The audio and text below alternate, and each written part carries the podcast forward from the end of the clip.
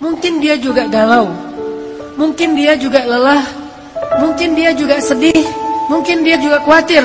Tapi begitu diingatkan dengan nama Allah, tenang ada Allah, tenang Allah membantu. Bukankah semua itu di tangan Allah? Langsung dia menjadi tenang. Itulah mukmin.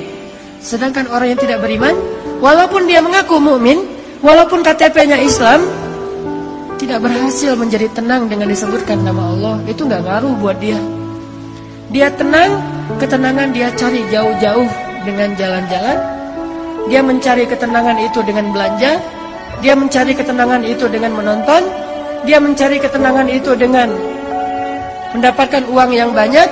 Dia mencari ketenangan itu dengan ketemu teman. Dia mencari ketenangan itu di semua tempat kecuali di langit. Dan dia tidak akan mendapatkan ketenangan yang sejati. Pada akhirnya dia tetap akan mengeluh.